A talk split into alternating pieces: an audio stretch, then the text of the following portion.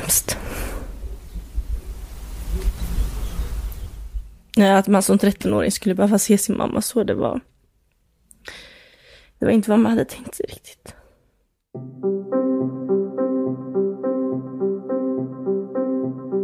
Det är vi som räknar dödade kvinnor.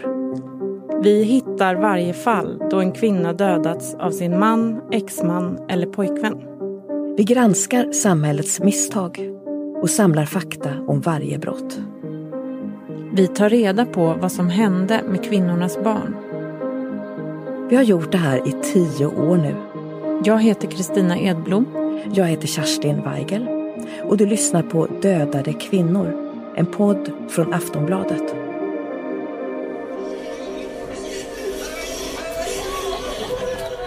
Men du då, spola förbi det här. Det här avsnittet börjar för snart nio år sedan på en begravning där en 13-årig flicka håller tal. Tack för vad du givit, tack för vad du var. Tack för ljusa minnen som du lämnat kvar. Flickan som pratar heter Jennifer Sado. Hon lovar sin mamma Karla att göra henne stolt. Jag ska göra mitt bästa för din skull, mamma. För att du ska vara stolt över mig. Våra hjärtan finns du för alltid kvar. Vila i frid, min älskade och vakta. När vi började granska morden på kvinnor hade vi ingen aning om hur utsatta barnen varit. Sakta gick det upp för oss att de varit livrädda för att mamma skulle dö. Många var hemma när hon dödades. För de flesta var det pappa som dödade mamma. Hösten 2012 ville vi ta reda på vad som hänt med barnen som blev kvar. Vi träffade många barn. Ett av dem var Jennifer och nu har vi åkt till Kumla för att träffa henne igen. Hon möter oss vid stationen. Här, nu kommer hon.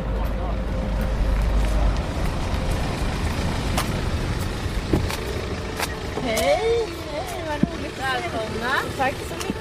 Hej! Du kör bil? Ja, det gör jag. Välkomna in. Tack, tack. Också.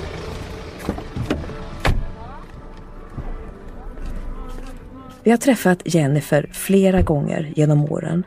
När vi nu ses har hon just avslutat sin utbildning till kriminolog och fått ett nytt jobb. Här är anstalten. Så det är hela... Vill du åka förbi? Ja, gärna. Ja. Eh, ja. Här är den hela anstalten. Vi ska prata mer med Jennifer om hennes jobb. Men vi tar det från början. Jennifers mamma Karla Sado mördades den 29 november 2010. Kvällen innan hade Karla ringt till polisen och berättat om dödshot från sin exman.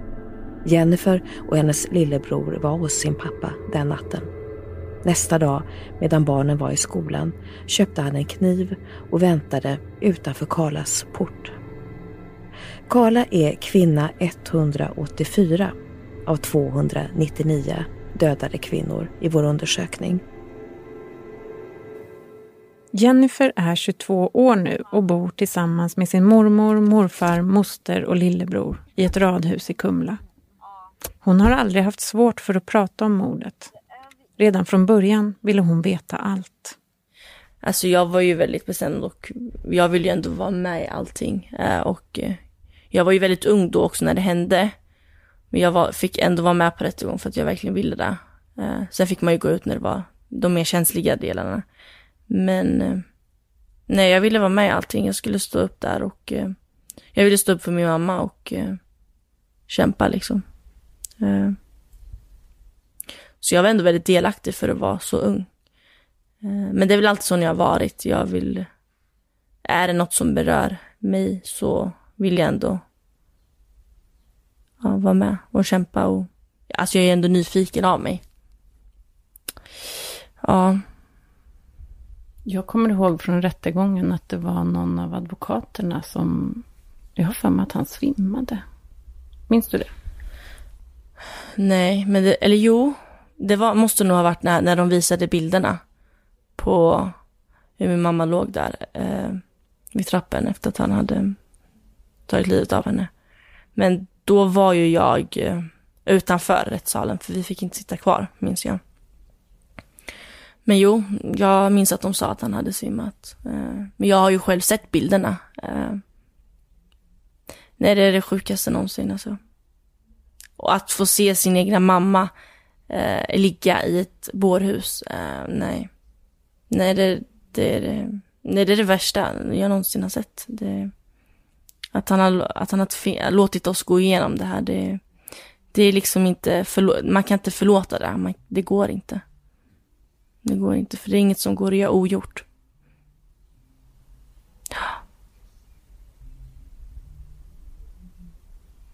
Ja. Nej, det, det är hemskt faktiskt. Det är väldigt hemskt. Jag försöker inte tänka så mycket på de där delarna. Jag har nog... Eh, det är för att jag alltid haft så mycket för mig så har inte jag tänkt så jättemycket på sånt. Eh, eller på allt sånt. Eh. Men det är ju nu lite mer senare tid nu när man är klar och faktiskt insett att gud vad jag har gått igenom allt det här. Trots att jag har varit med om detta. Och inte haft en mamma och pappa vid min sida. Mm. Ja. Var det ditt eget val att titta på de här bilderna och följa med till bårhuset? Ja, jo men det var det. Eh, bårhuset, eh, ja det var mitt egna val var det. Men jag minns ju att jag efter det så jag fick gå ut och jag spydde ju. Jag, alltså det, nej det var hemskt att se sin mamma så. Det, helt, eh, nej men helt grå. Nej,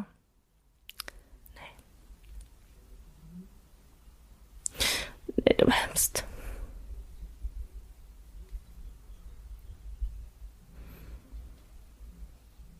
Nej, och så såg man stygnen och allting. Nej, det var... Nej, att man som 13-åring skulle behöva se sin mamma så, det var... Det var inte vad man hade tänkt sig riktigt.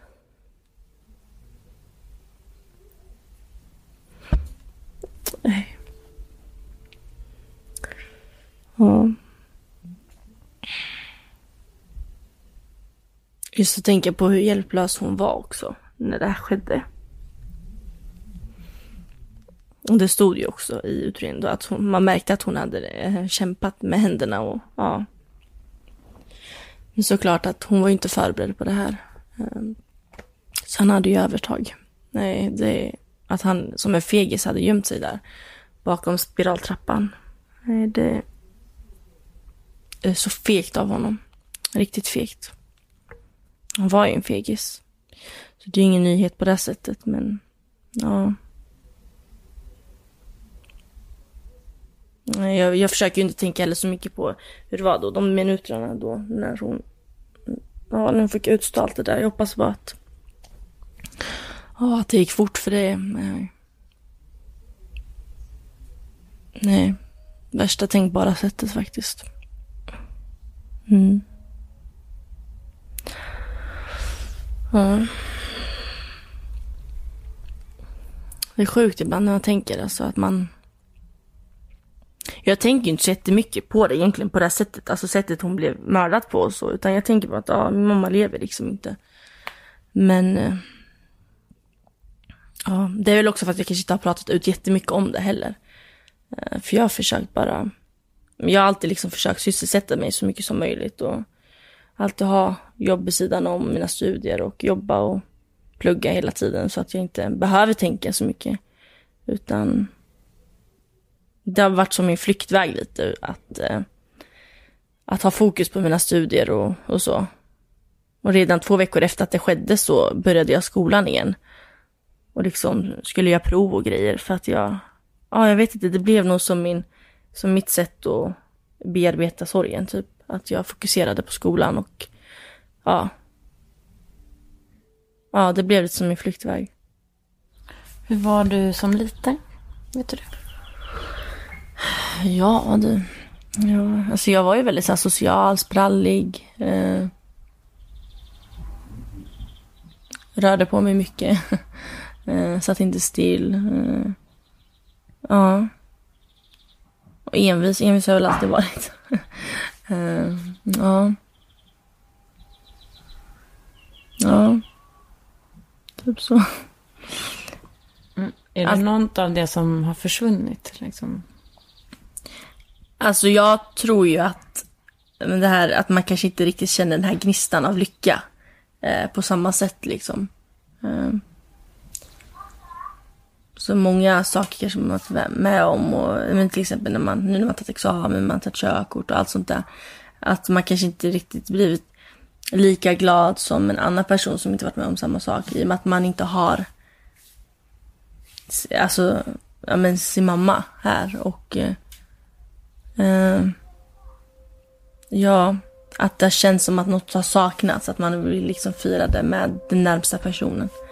Eh, så jag, jag, att jag kanske inte riktigt kände den här uh, lyckan till hundra procent. Uh. När vi började arbetet om barnen som blev kvar var vi först osäkra på om det var rätt att intervjua barnen som förlorat sin mamma i mord. Men när vi frågade erfarna psykologer sa de ni ska absolut prata med barnen. Vi samlade många vittnesmål. En sen november eftermiddag kom vi hem till Jennifer och hennes lillebror Jonathan och filmade dem. Nu tittar vi på den filmen tillsammans. Jag har aldrig sett min egna pappa vara i sånt tillstånd som han var då. Det var ett förskräckligt, alltså att se han på det sättet som han var. Jag hade aldrig sett honom bete sig på ett sånt sätt. Han blev till en helt annan person. I filmen sitter Jennifer som då var 15 år på sin säng och pratar rakt in i kameran om mordet. Liksom för varje dag som går så blir det bara värre och värre faktiskt. Dagarna flyter på men det, saknaden blir bara större och större faktiskt.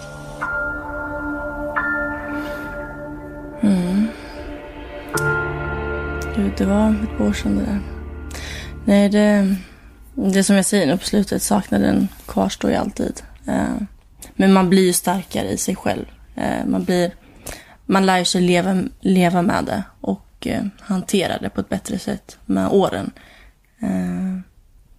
Och ja, det...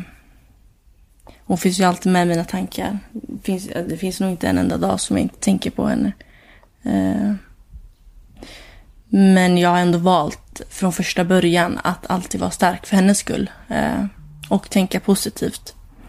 För att jag vet att hon hade velat att jag lyckas i livet och eh, ja, men att jag får en bra karriär och ett bra liv.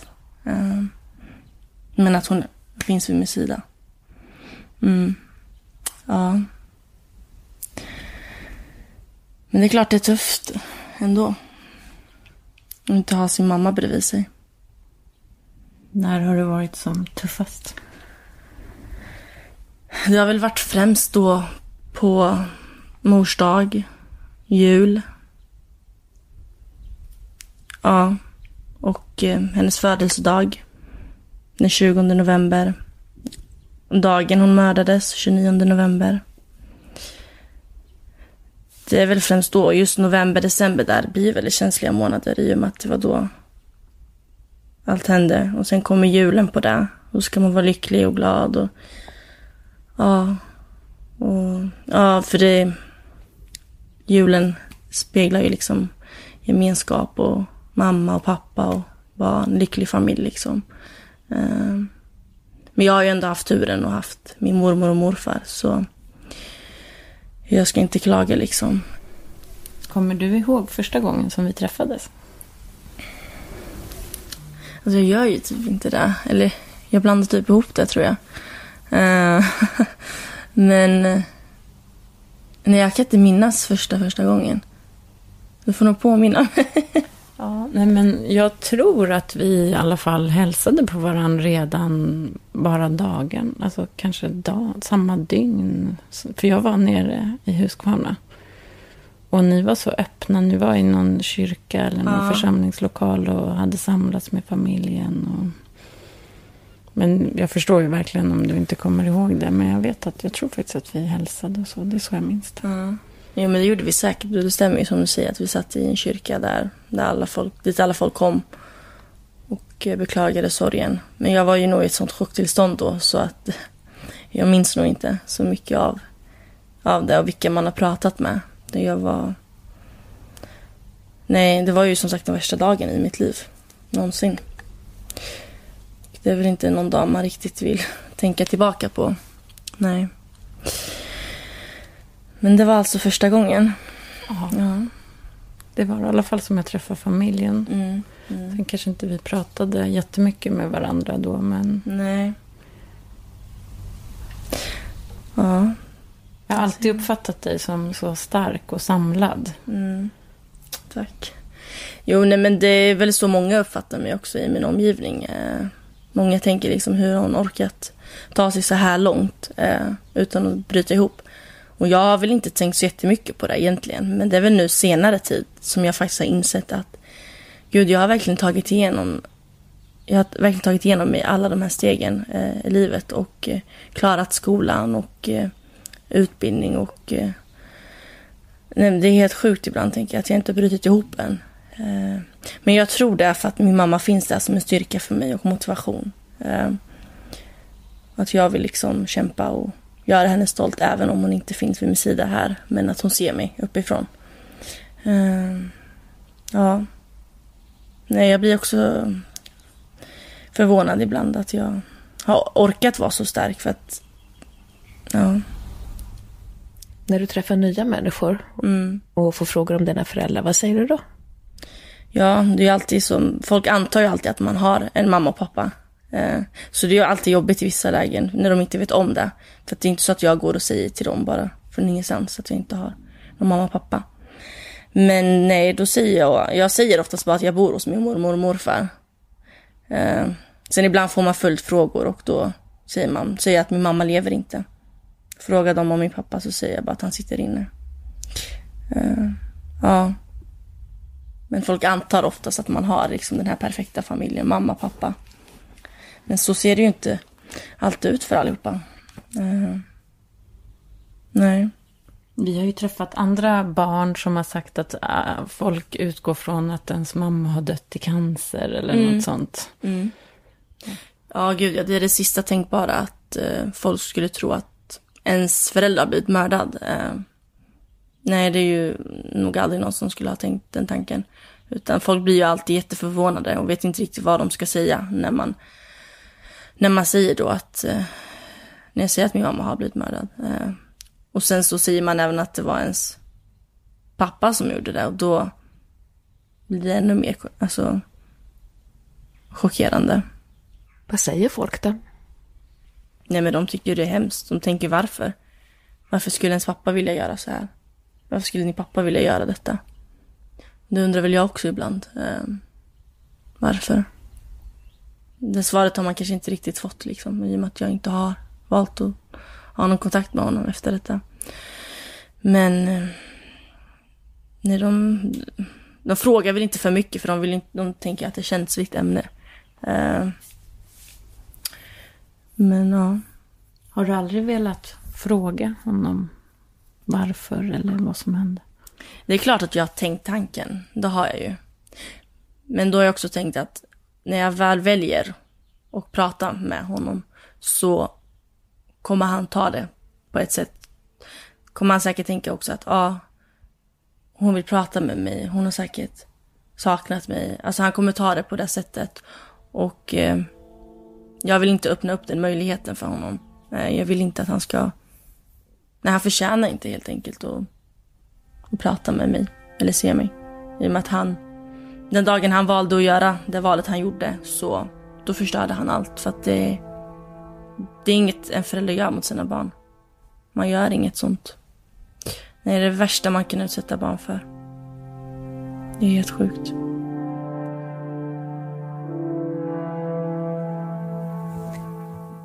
Jennifers pappa dömdes till 18 års fängelse för mordet på Karla. Om tre år kan han bli villkorligt frigiven till skillnad från andra morddömda papper har han aldrig krävt att få träffa sina barn. Men det händer att han skriver brev till dem. Men det här är till dig och Jonathan, Jennifer. Är det okej okay om vi läser det? Ja, absolut. Det här brevet skickade han för två år sedan. Hej Jennifer och Jonathan. Jag tänker på dig och Jonathan och saknar er. Inga ord kan beskriva hur ledsen och sorgsen jag är för vad ni har fått uppleva i era liv. Inte en dag går utan att jag tänker på hur illa allting har blivit.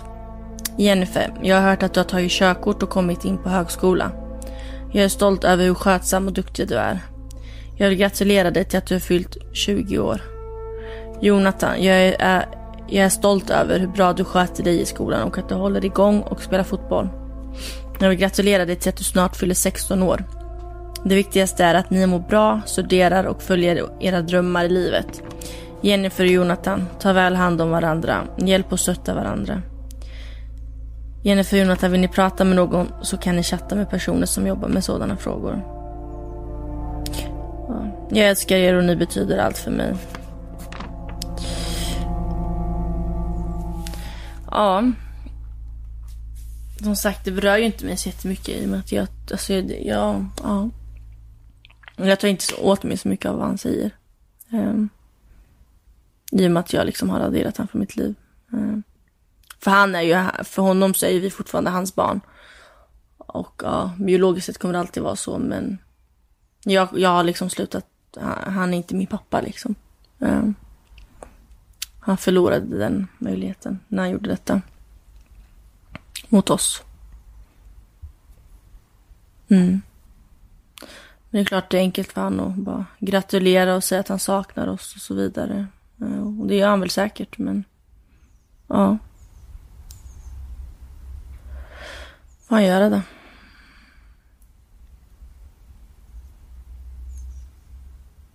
Mm. Men ni har kvar dem ändå, de här breven? Ja, men det är nog det är inte ens jag som har sparat dem faktiskt. Det, det är nog att de har legat kvar typ i byrån eller någonting. Men jag kommer ihåg något brev, eller två brev tror jag, jag har slängt bara. Uh, ja. Men ja, de finns kvar. Har du men... några fotografier på din pappa? Nej, det har jag nog inte. Nej, det är nog bara den eller vi hade ju vissa foton med honom som alltså var tagna när vi var små, men de bilderna han har funnits med på har vi rivit bort honom ifrån. Eh, för att, eh, ja, när vi har rivit bort dem, för vi har kollat igenom många bilder vi har haft. Och det är klart att han finns med på många bilder så. Sen så han, finns han ju även med på vissa videofilmer, eh, eller DVD. Men då spolar vi oftast förbi bara. Ja. Så vi har ändå försökt ta bort han så mycket som möjligt. Eh, från våra minnen. En del barn vi har träffat eh, har ju haft viss kontakt mm. med sin pappa. Fast mm. väldigt sporadiskt, med, mm. men ändå. Ja, alltså jag kan... Jag tror också det handlar lite väl om vilken ålder man är i. Alltså som alltså ett yngre barn. Alltså jag var ändå 13 år. Jag förstod allt som hände. Eh, jag visste hur han hade behandlat min mamma i deras förhållande. Och jag visste att han var, han var dålig mot henne och han var även, han fortsatte även med det, han fortsatte, fortsatte även vara dålig mot mig också efter att de hade skilt sig. Så för honom så, alltså innan det här ens hände så var ju han ändå en person som jag inte riktigt Alltså jag älskade inte han på det här sättet, alltså som pappa egentligen ska älskas. Eh, han var ändå lite ond mot mig i och med att han slog mig då och då. Och eh, jag vet inte, det var nog som att han såg ner på kvinnor tror jag. Eh, om att han slog ju aldrig min bror liksom. Utan det var ju mot mig och min mamma. Eh, så, ja.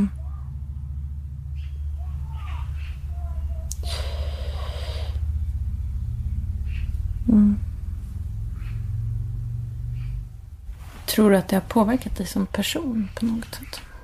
Alltså ja, jag har väl säkert fått en tuffare eh, yta. Eller man ska säga att jag har blivit lite hårdare som person.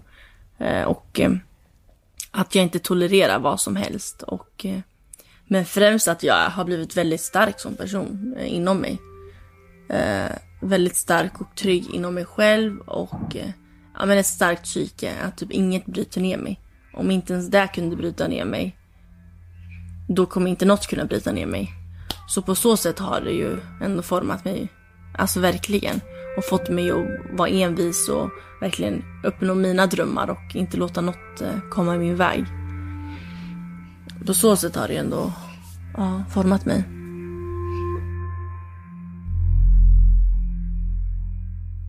Efter examen från kriminologprogrammet jobbar nu Jennifer som kriminalvårdare på Sveriges största fängelse, Kumlaanstalten.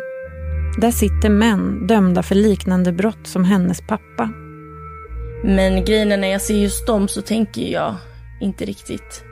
Alltså det är ju inte folk som har gjort något mot mig personligen. Uh, därför kan jag ju inte ha det här hatet.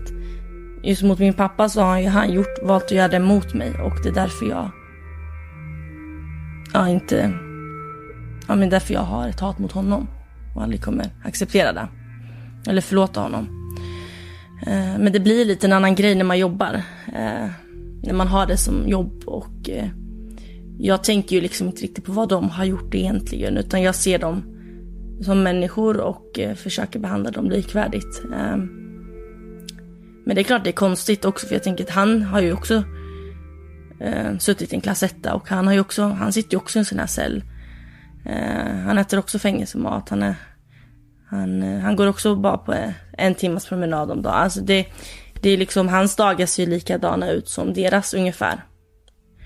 Eh, och det är klart, så tänker man ju ibland. Han, han är också kriminalvårdare som eh, personal. Eh, med sådana som mig liksom. Det, det är klart det är lite konstigt sådär egentligen. Ehm, men jag vet inte, det är ändå... Alltså det är inte jättekonstigt för mig i alla fall, tycker inte jag. Folk tycker det. Eh, när de vet vad som har hänt mig och så. Eh, och säkert under intervjun tänkte de, eh, hur kommer du liksom klara det? Och är det inte konstigt för dig? Folk, vissa har gjort samma sak som din pappa har gjort. Eh, men jag har ju sån stark psyket. Eh, jag är ganska stabil av mig och eh, stark i mig själv och eh, det är väl inget jag påverkas av så, av att jag ser andra eh, som har gjort samma sak som honom. Um, ja, nej det är nog min starka psyke som gör att jag klarar av att jobba där. Så för mig är det inte så jättekonstigt. Att se intagna, precis som honom. Nej. Men tänker du på det som du sa nu, att det är samma rutiner, samma mat? Ja, men det gör jag ibland faktiskt. Eh, jag gjorde inte det så mycket när jag jobbade på mitt andra jobb, eh, Hinseberg, där det var kvinnoanstalt. Eh, men nu när det är män man jobbar med så blir det lite mer verkligt. Och mer, alltså det är ju liksom samma situation i stort sett. Så det är klart det kommer i tankarna ibland sådär, men det är inget som berör mig. Så, nej. Vad vill du göra i framtiden? I framtiden så tänker jag att jag vill på något sätt jobba med brott, eh, utreda brott eh, eller brottsförebyggande arbete. På något sätt ändå bekämpa brottslighet. Men först vill du se en anstalt från insidan ordentligt. Ja. Vad är ja. det du kan lära dig av det? Alltså att man har en väldigt eh, man har ju en väldigt dömande bild av hur, från början, hur intagna är och ser ut. Eh, innan man börjar jobba på anstalt. Eller i alla fall jag tänkte att, det, att de var värre eh, än vad de faktiskt är. Att de ser ut på ett visst sätt och så vidare.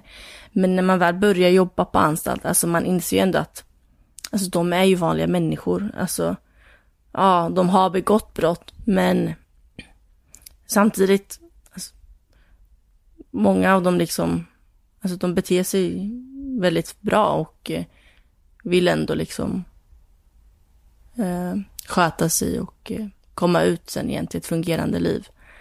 Mm. Din pappa är också en vanlig människa. Ja, han är ju det. Men för mig blir det ju att han har, han har gjort det här mot mig och mot oss. Och eh, jag kan ju inte förlåta han. Det kan jag ju inte göra. Och jag kan ju inte ens det är det som är det konstiga. Alltså jag har inte så svårt att eh, arbeta med eh, intagna på mitt jobb så. Men när jag tänker på det min pappa har gjort, då blir det, det blir en annan grej helt enkelt. Ehm. Det blir något personliga mot mig.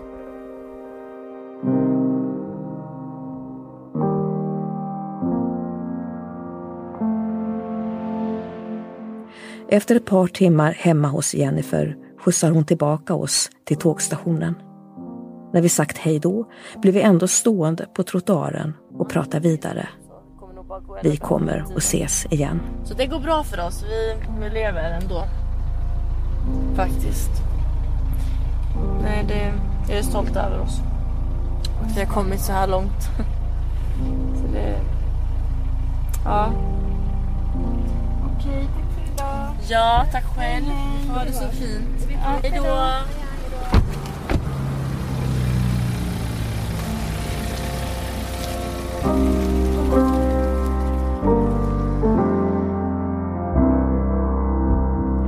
Du har lyssnat till avsnitt två av podden Dödade kvinnor. Jag heter Kristina Edblom. Jag heter Kerstin Weigel. Producent Marcus Ulfsand. Hela den tioåriga granskningen Dödade kvinnor hittar du på Aftonbladet.